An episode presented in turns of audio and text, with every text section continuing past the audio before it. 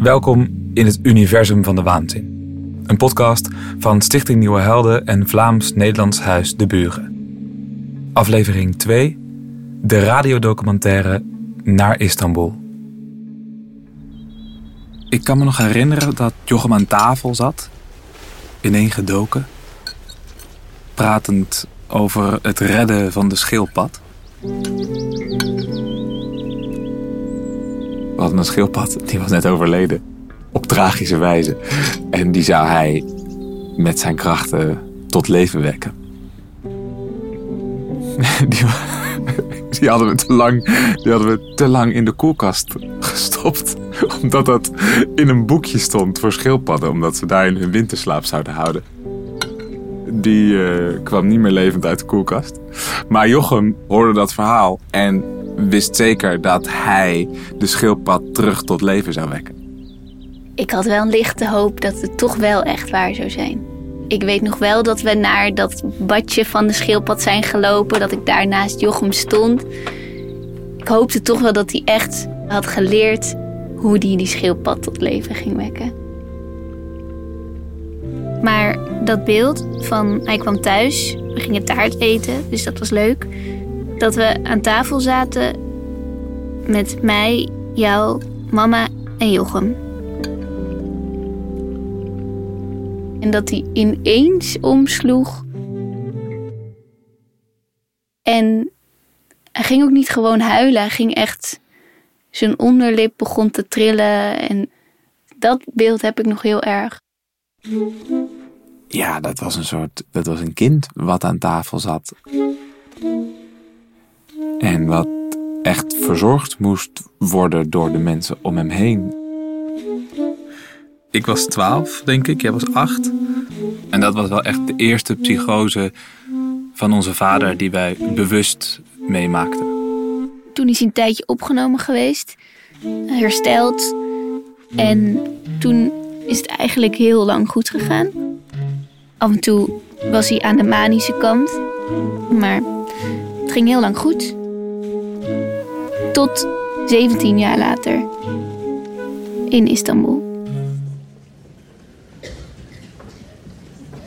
Het was een avond in Arnhem waarin ik moest spelen. Het was mijn première. Je had mij nog bericht, geloof ik. Veel plezier en succes. Ik stuurde op 7 december 2017, 17 uur 20. Toi, toi, toi, mooie broer. Bel me even nadat je gespeeld hebt. En uh, toen liep ik terug van het podium naar de kleedkamer. En volgens mij had je mij daar al een keer gebeld. En toen liep ik verder naar de foyer, heb me omgekleed. En ik zag vervolgens dat jij me belde. En toen dacht ik, nou, ik bel je zo wel terug. Toen drukte je weg en toen belde je nog een keer. En toen dacht ik, dat gebeurt niet zo vaak. Ondertussen zat ik thuis op de bank in het huis waar we samen woonden. Dus ik had daar uren gezeten. Ik heb geen idee wat ik heb gedaan. Toen stuurde ik: Hoe ging het? Kun je zo bellen? Kus. En toen heb ik je opgenomen. En toen vertelde jij volgens mij meteen: Jochem ligt in een ziekenhuis in Istanbul. Volgens mij was het eerste wat jij zei: Nou ja, ik ben gebeld. Jochem ligt in het ziekenhuis. Hij is alles kwijt. Hij is zijn paspoort kwijt. Hij heeft niks meer. En waarschijnlijk is hij dus in de war. Psychotisch. Bij Jochem was superhelder dat hij natuurlijk niet in zijn eentje terug ging komen. Dat hij dit niet in zijn eentje gaat kunnen. En dat hij waarschijnlijk zo verward is dat hij niet eens uit kan leggen wat er aan de hand is. Of dat ze hem niet begrijpen. Dat hij de plek waar hij is niet begrijpt. Ehm, dus ja, dat er mensen nodig zijn die hem daaruit halen dat was genoeg om te denken: oké, dan komen we nu naar huis. Laten we afspreken bij mama. En dan zien we elkaar, zijn we met z'n drieën daar. Gaan we daar beslissen hoe we het verder gaan doen. Laten we kijken hoe we dit op gaan lossen. En het volgende bericht is om 22 uur 21. Ik heb de trein van 22 uur 33. Jochem is ergens soort van psychotisch geworden in Istanbul. Uit een hotelkamer, uh, kort en klein geslagen. En ehm, die is dus door de politie uh, meegenomen. Uiteindelijk in het ziekenhuis beland. Zonder papieren, zonder niks. Wij weten niet in wat voor soort staat hij is. En dan moeten we misschien naar uh, Istanbul, Amber en ik. Maar we weten nog helemaal niet hoe die er verder aan toe is. En uh, nou ja, dat dus. We stuurden elkaar heel veel WhatsApp voiceberichten. In plaats van uh, typen. En dat hebben we eigenlijk die hele tijd door gedaan. Hey Mich, ik heb heel veel medicijnen gevonden. Um, dus dan hebben we in ieder geval bij de hand wat hij precies moet hebben. Ik vroeg me alleen af of we dat lithium wel zomaar mee mochten nemen. En ik had al heel even met mama over en we dachten... misschien kunnen we het wel gewoon even in een potje uh, multivitamine of zo doen. Ja, want ik denk om nu nog toestemming te regelen... en weet ik wat allemaal via de huisarts gaat misschien te kort dag zijn. Ik heb foto's doorgestuurd van Jochem en... Uh, oh kut, ik heb niet meer die twee foto's meegenomen. Um... Vlak voor we in het vliegtuig stapten, hoorden we van het ziekenhuis dat ze hem die nacht op straat hadden gezet. En dat we Jochem dus niet alleen gingen ophalen, maar dat we hem eerst moesten vinden. En we zaten in het vliegtuig. Um, we hadden een tijdje gevlogen en we zetten de daling in. Ik zat bij het raampje en we werden stil. Keken uit het raam en we zagen zo de stad Istanbul van bovenaf. En we vlogen en we vlogen en we dachten: dit is echt een hele grote stad. En daar ergens is Jochem. Een soort stipje.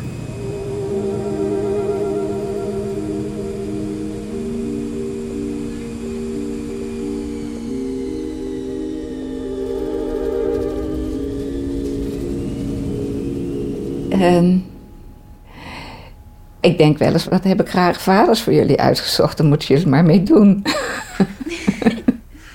Weet je nog het moment dat je Jochem voor het eerst zag? Ja. Jij ging naar het peuterspeelzaal en Jochem was er toen nog niet, want Jochem was overspannen. En die kwam terug en ik had een vriendin en die zei toen tegen mij: Is Jochem niks voor jou?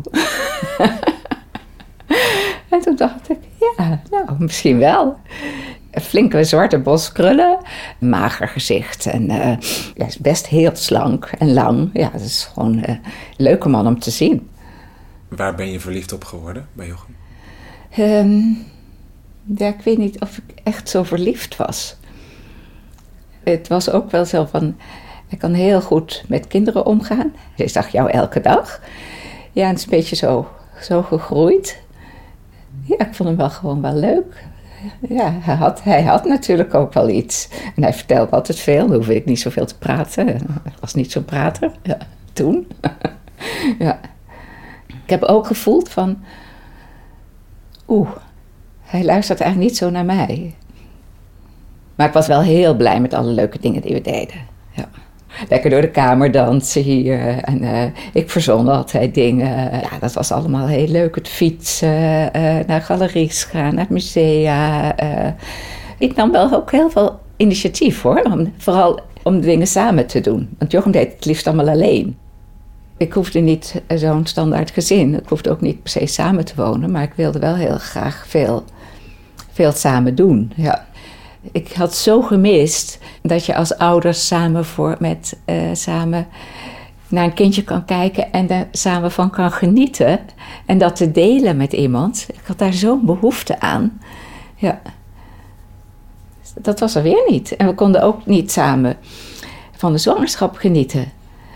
Want de eerste vijf maanden was Jochem opgenomen. En daarna was hij, had hij toch ook nog zoveel tijd nodig om te herstellen, dat hij daar ook helemaal niet bij was. Jochem had het zelf nooit verteld dat hij manisch depressief was.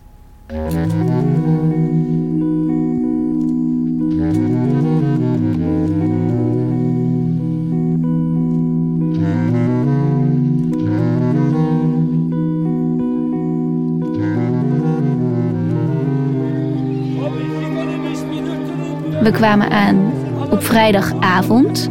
Wij lopen naar het consulaat. Het was weekend, dus het consulaat was gesloten. Er is alleen maar een wachter die niks weet van het hele gebeuren. Je kan hier maandag pas weer terecht. Er was op dat moment een hele grote politieke spanning tussen Nederland en Turkije.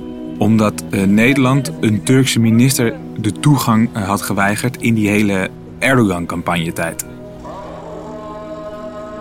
Het consulaat wilde dus niet voor ons een vertaler regelen. Wilde niet al met de politie bellen.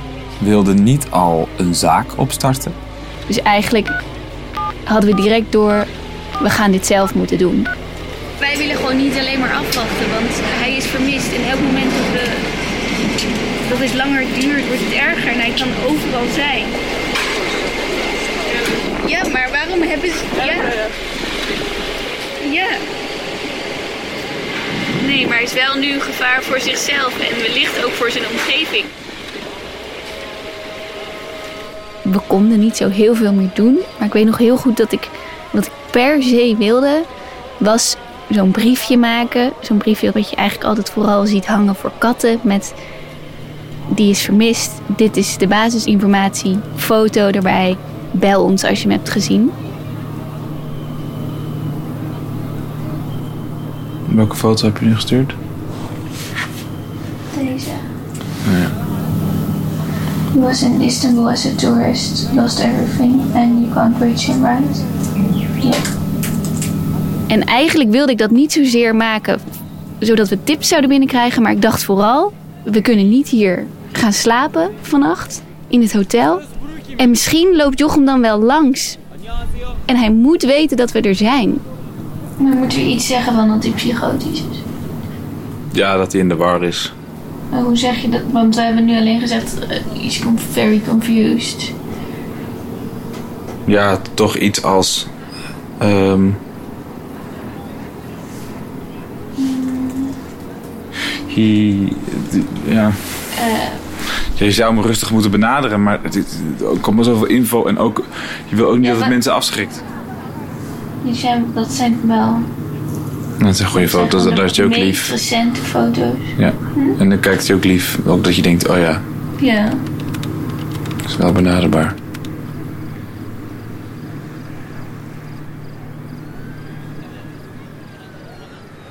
We maakten een nooddocument aan, een Google Docs, waarin we alle persoonlijke gegevens van Jochem zetten, zodat iedereen erbij kon. Maar waarin we vooral ook probeerden een reconstructie te maken van zijn reis. Elke keer dat we nieuwe informatie vonden, zetten we dat erin. Waar heeft hij geslapen? Waar is hij geweest? Wie is hij tegengekomen? En zo groeide er een tijdlijn. Update zaterdag 9 december. Jochem heeft schade aangebracht aan het hotel. De hoteleigenaar brengt hem naar consulaat. Hij ziet er niet goed uit. Halverwege het gesprek is Jochem weggelopen. We hebben gebeld met de wijkpolitie en zijn naar een dicht consulaat geweest. Nog geen spoor van Jochem, maar er zijn steeds meer mensen op zoek. Hey lieve mama, fijn dat jij ons kan horen. Morgen. Helaas is hij er nog niet, maar ehm, het wordt wel steeds eh, breder verspreid onder een breder netwerk in Istanbul. Eh, als het goed is, is alle politie op de hoogte en die hebben ook foto's gekregen van hem. Ehm, alle consulaten. Ehm, en we zijn nu bezig met. ehm, ehm, Twitter, want dat is heel groot in Istanbul in Turkije. Dus dan bereik je heel veel gewone mensen. Dus dit is denk ik even de update. Ehm, je kan ook in het bestandje zien welke details we nog waar we achter zijn gekomen. Als ik heel eerlijk ben, is het langzaamaan wordt steeds eh, hopelozer. wordt allerlei verschillende soorten informatie gedeeld en komt ook steeds meer naar buiten. Uh, maar eigenlijk heeft gewoon niemand hem gezien nadat hij uit het ziekenhuis is ontslagen. Het ziekenhuis zegt dat ze het consulaat hebben gebeld. Dat er toen niemand iets wilde doen. Het consulaat zegt dat er niemand gebeld heeft. Uh, dan zegt ze bij het ene politiebureau dat het andere politiebureau hem heeft. En bij het andere politiebureau zegt ze dat het ene politiebureau hem heeft opgepakt. Maar en uit als we hier komen weten ze uiteindelijk helemaal niks. En bij ons loopt het ook een beetje, begint het een beetje over te lopen in ons eigen hoofd. Um, ik dacht even, dit is wat we nu uh, hebben. Ik moet op de een of andere manier denken aan die... Als je de aflevering geluisterd van uh, de laatste man met de microfoon. Nee. Dat is, oh. Nou, mag ik je... Mag ik je? Het gaat over katten. En er is dus een man die is al heel lang echt intense zoekacties aan het doen naar zijn kat. En dan gaat hij om vier uur opstaan. En dan gaat hij door de buurt lopen. En dan gaat hij zo die naam roepen van die kat. En uh, hoe heet die? Chris vraagt hem, wil je één keer dat voor mij opnemen? Dat je dan zo loopt. En hij doet dat dus echt heel veel. Hè? En hij roept. En nou, neem dat één keer op. En hij neemt dat één keer op. En hij vindt hem. Ja. Dus dit is dan nu het moment dat we nu Jochem zien. Ja, dat opnemen.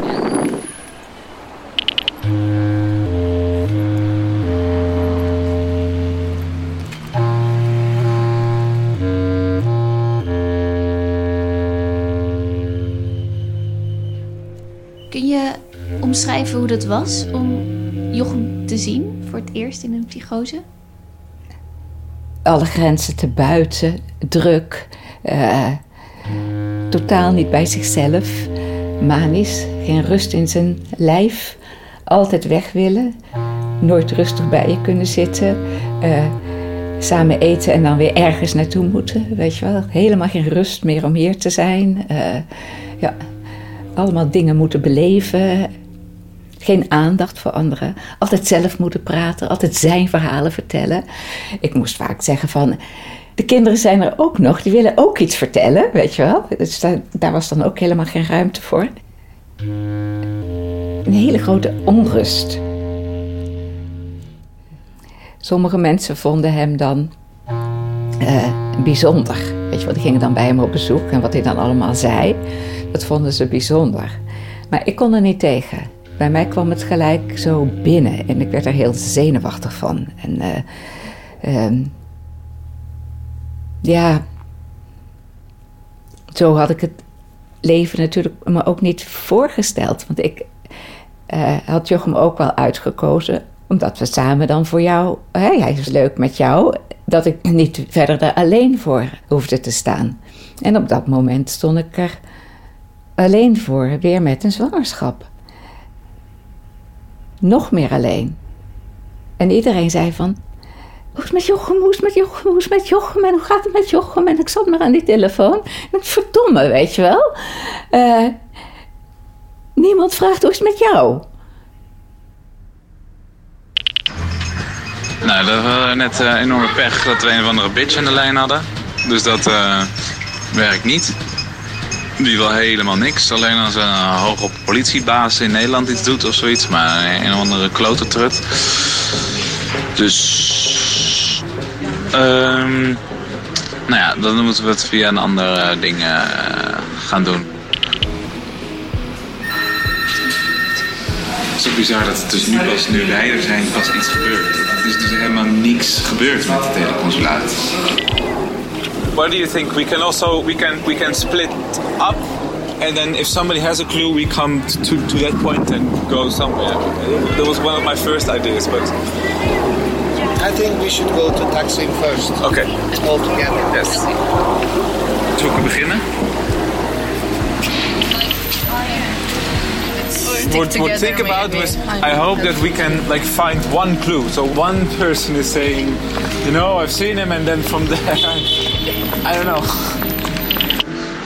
Het is een beetje stom dat het allemaal een beetje opraakt. Omdat we hier nog kunnen. En dat we ook een beetje denken, ja, als hij zich nu niet meldt, waarom zou hij zich over twee dagen dan wel melden? En waar moet hij zich melden? En hij is bang voor van alles en nog wat. Dus. Nou ja. We hadden Twitter- en Facebook-campagnes opgezet. We hadden posters geplakt. We waren langs ziekenhuizen geweest, langs politiebureaus, hotels, langs het consulaat. Het was officieel een vermissingszaak in Nederland en Turkije. We wisten niet zo goed meer wat we verder nog konden doen. En steeds meer mensen zeiden: je moet Muge Anli bellen. Muge Anli, dus dat is de naam van het programma, maar dat is ook de naam van de presentatrice. Dat is een, eh, een drie uur durende live show eh, op de Turkse nationale zender. Is elke dag op tv. Kijken 3 tot 5 miljoen Turken naar. Enorm showy programma. Beetje kruising tussen SBS 6, RTL Boulevard, Spoorloos en Opsporing Verzocht. En zij lost problemen op. Ze, ze doet opsporingen. Het is een staatsomroep. En nu konden zij eh, hulpeloze Nederlandse toeristen helpen om, eh, om hun vader terug te vinden. Peki efendim şimdi acil bir kaybımız var. Ee, Hollandalı e, Johan Betsma. Kızı ve oğlu aramızda Hollanda'dan geldiler. Şimdi 62 yaşında Johan Bey. Ülkesinde bir kreşte çalışıyormuş. Ee, kendisinde bipolar rahatsızlığı varmış. Bu yüzden ilaç tedavisi görüyor. He's probably in a psychosis right Büyük now. bir ihtimalle bir psikoz geçiriyor. Um, because he probably lost Çünkü- his medicine. Voor mij was die uitzending. And Ik vond het now- echt so- super so spannend. En ik trok het echt heel slecht. Eh, we moesten daar nog heel lang wachten. En dan kregen we een zender opgeprikt. En zaten we onder in een soort van heel klein benauwd kleedkamertje. So they they discharged him from the Onu hospital, hastaneden maybe because he got aggressive. Belki Could be. agresif davranmıştır, Maybe. olabilir. Jij trok echt helemaal bleek weg en kon niet meer normaal praten. Belki de üzerinde herhangi bir şey Ik denk dat ze heel blij waren met me in het tv-programma wel. Kanında veya herhangi bir rahatsızlığı yoktu. Twee bange kinderen. He can be uh, talking to himself. Kendi kendine de uh, konuşabilir. Seeing other persons who are not Belki there. olmayan insanları karşısında görebilir. Stuff like that. Böyle şeyler. En op een gegeven moment, dat was waarschijnlijk al eerder, maar was er een tip. Amber kalabilir burada. Bizim e, arkadaşımız da burada. Uh, probably they found him. Een zuster in het ziekenhuis had hem waarschijnlijk herkend, wist ze niet zeker. En wij moesten dan mee een busje in, live. Amber, you stay here. Can you go together? Cameraman eh, in het busje. En wij dan door die straten jakkeren om te kijken hoe we hem dan zouden vinden. Dat was hun plan. En daar uiteindelijk, nou, dan moest eerst de cameraploeg uitstappen. Dan moesten wij wachten, want we moesten dat uitstapshot filmen. Dus eh, nou, de camera aan. Ja, nu mogen wij ook naar buiten. Nou, stappen we uit het busje.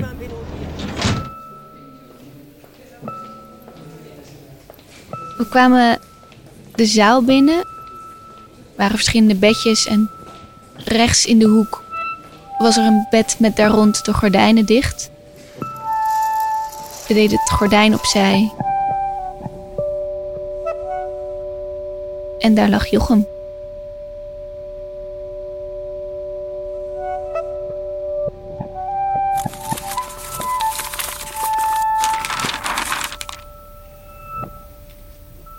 Toen Amber en Michael Jochem zagen, lag hij met zijn armen en benen vastgebonden aan het bed in een luier. Verder had hij een klein shirtje aan en het deken lag van hem af. Hij lag in een verkrampte houding, ontzettend vermagerd, met schaafwonden en blauwe plekken. Hij had overal kleine verbandjes met bloed. Zijn teen zit in het verband, zijn nagel is eraf. Jochem zegt zelf dat hij gekneusde ribben heeft, maar Michael en Amber denken dat het meevalt. Dit lezen, weet je, waar je dan, jullie dan in zitten om mij te vinden, dat is gewoon. Poeh, dat is... En dan de weg die jullie hebben gekozen, die eh, of op jullie pad is gekomen. Nou, die heeft ook gewerkt, maar dat is ook. Lijkt gewoon, juist ik, die zo eigenlijk niks van televisie moet hebben, door de televisie gered wordt. Ja. Maar dat, maar ja, dat is wel deze wereld waar ik toch onderdeel van ben. Soms is hij heel helder en dan weer niet. Hij heeft dat soms zelf ook door. Zegt dan ook zelf dat werkelijkheid en droom door elkaar lopen. Jochem wist niet dat hij in Istanbul was. Hij dacht dat hij alweer terug was. Een van zijn walen. Hij was op en neer geweest voor een trouwfeest naar Sneek van Jelmer. Dit schetst een beetje zijn mentale situatie. Maar zie, dit zit in de hallucinatie. Maar die is heel duidelijk. Die is heel groot ook. Dat ik daar in Sneek ben. En dat er uh, wedstrijden zijn. Maar ook dat ik de familie ga opzoeken en in het terrein ben. En door dingen heen moet. En dan die familie niet kan bereiken. En als ik ze dan wel bereik, dan is het heel gezellig. En dan moet ik weer weg. En, maar dat is meer al uitbreiding van die waan. Michael en Amber zagen dat hij heel rustig werd van hun aanwezigheid. Hij lijkt ook medicijnen te hebben gekregen van het ziekenhuis om rustig te worden. Toen Amber en Michael aankwamen, was Jochem heel feitelijk in het constateren van hun aanwezigheid. Het was niet raar of er was ook geen opluchting. Deels lijkt hij dus helemaal in de werkelijkheid te staan. Maar hij zegt zelf ook dat hij het echt allemaal niet meer wist.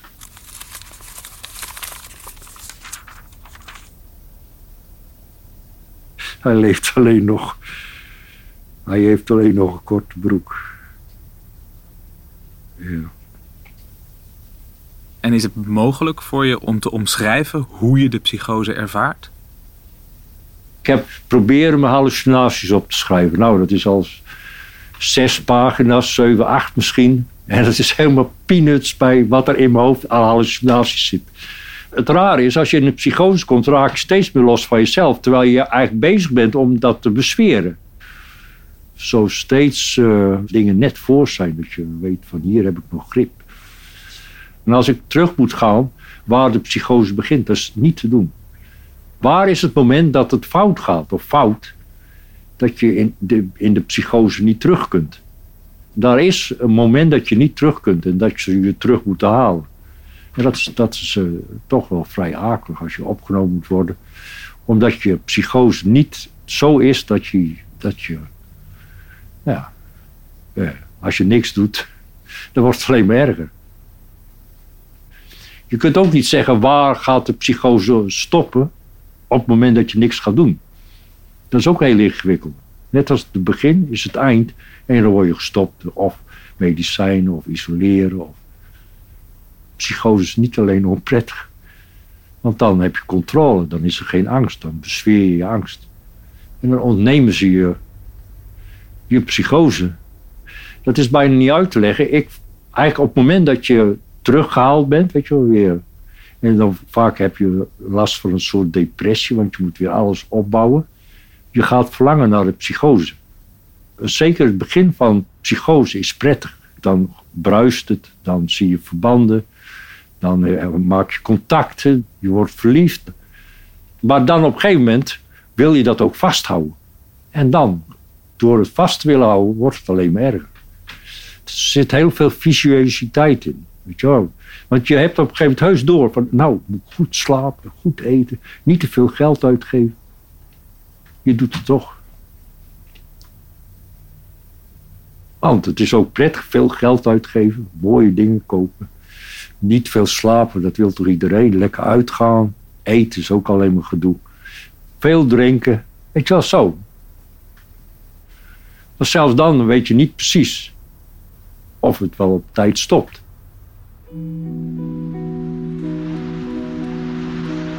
Hey, lieve mama. Um, ja, we hebben hem dus. Uh, poeh.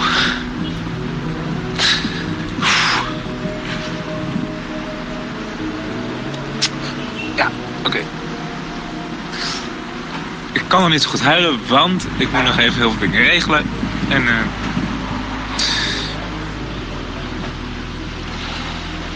Dus daar ga ik nu mee door. Hey lieverd, ik heb jullie filmpje gehad. En uh, fijn om jullie te zien, heel ontroerend. Uh, ik kan, als ik jullie zie, moet ik huilen, maar anders nooit natuurlijk. Natuurlijk mis ik jullie. Nou, dag schatten. Hey mami, um, ja, Jochem is best wel het grootste deel van de tijd gewoon zich best wel bewust redelijk van nu is hij gewoon, weet hij gewoon waar hij is en wat er aan de hand is. En eh, hij zit zelf ook een beetje te bedenken waar, waar het. ehm, ja, ja, hij heeft wel door dat hij in een psychose, hij denkt was, maar. ehm, en hij is ook gewoon heel ehm, rustig. Hij weet dat hij hier in goede handen is, dus hij laat ook alles wel over zich heen komen. Hij zegt, hij doet alles wat wij zeggen, neemt hij aan. Dus ehm, dat is wel positief.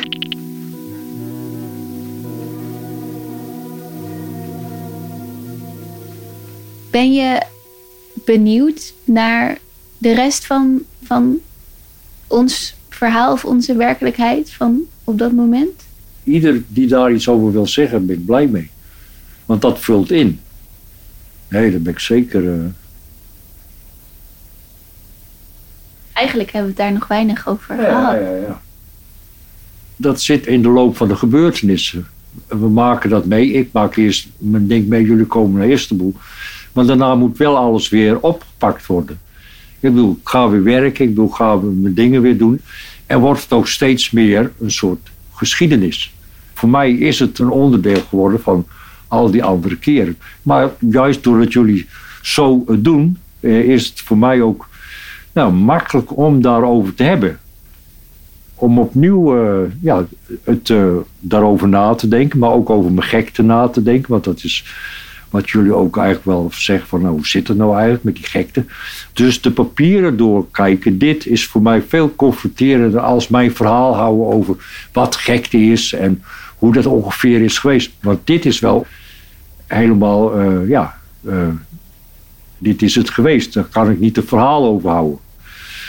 Maar in het algemeen over wat psychose is en zo, is voor mij makkelijker praten als heel concreet, wat was nou daar in Istanbul?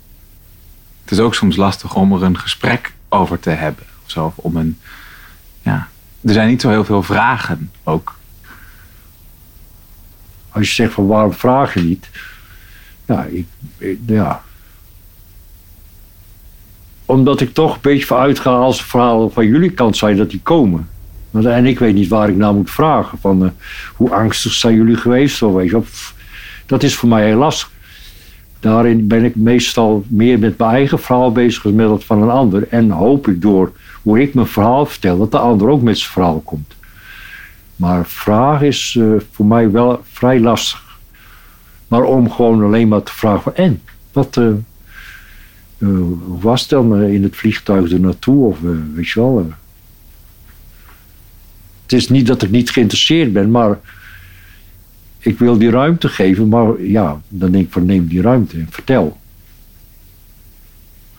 Is het misschien ook moeilijker of ook het, met dat nooddocument en omdat het het gaat ook dan niet alleen over ons verhaal, maar ook in dit geval natuurlijk heel erg ons verhaal op zoek naar jou of in relatie met jou. Dus dan gaat het eigenlijk ook over een stuk jouw invloed op de omgeving. Mijn verhaal is hierin is weg. Dat is het confronterende om te lezen wat jullie allemaal hebben gedaan. Niet dat ik echt dichtsla, maar eh, weet je wel, ik lees het en dan denk ik van, woe, woe. wat moet ik daarin vragen? Want eh, ik ben echt soort loser, weet je wel. Ik, vind, bedoel, niet dat ik heel erg mezelf een loser vind, maar de situatie waarin ik terecht ben gekomen is toch wel, nou, ja, daar kun je beter niet trots op zijn. Of hoe moet ik het zeggen? Maar ik, ik, alles mislukt, weet je wel, alles mislukt. Ja, dit is wel vier dagen helemaal mislukt. Maar tegelijkertijd, door hoe jullie daarmee om zijn gegaan, krijgt het een vorm waardoor het eruit getild wordt. En dat is eigenlijk bij mij, al mijn opnames heeft dat. Weet je wel, ik word eruit getild. Ik vind altijd weer, ook in de opnames, momenten om er weer uit te stappen en opnieuw te beginnen. Ik heb geluk.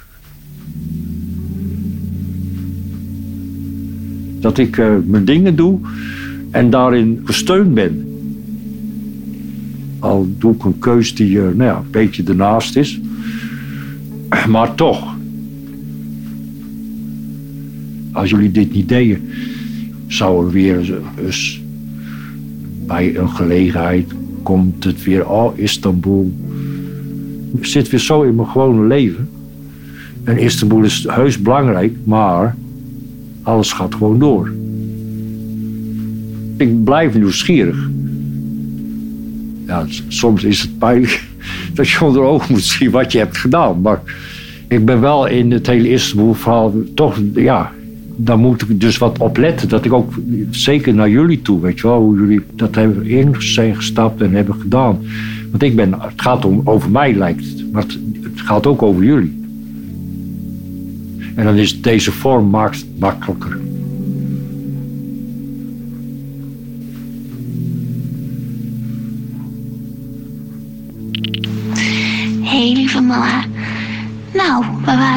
Nog even in het ziekenhuis. En Jochem die stond gewoon... eh, die stond er gewoon al.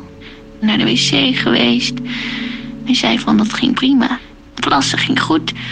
Poepen niet, want eh, hij had niet zoveel geduld als eh Michael vroeger als jongetje. Zoiets zei hij. Ehm, maar goed, hij was er wel mee eens dat hij gewoon lekker in de rolstoel gaat morgen dat hele vliegveld over. En nou, we zijn er bijna.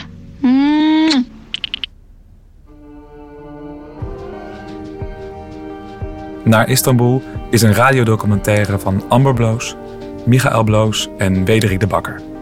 Muziek Mark Alberto, eindredactie Ottoline Rijks. Naar Istanbul werd op 25 oktober 2020 uitgezonden op NPO Radio 1.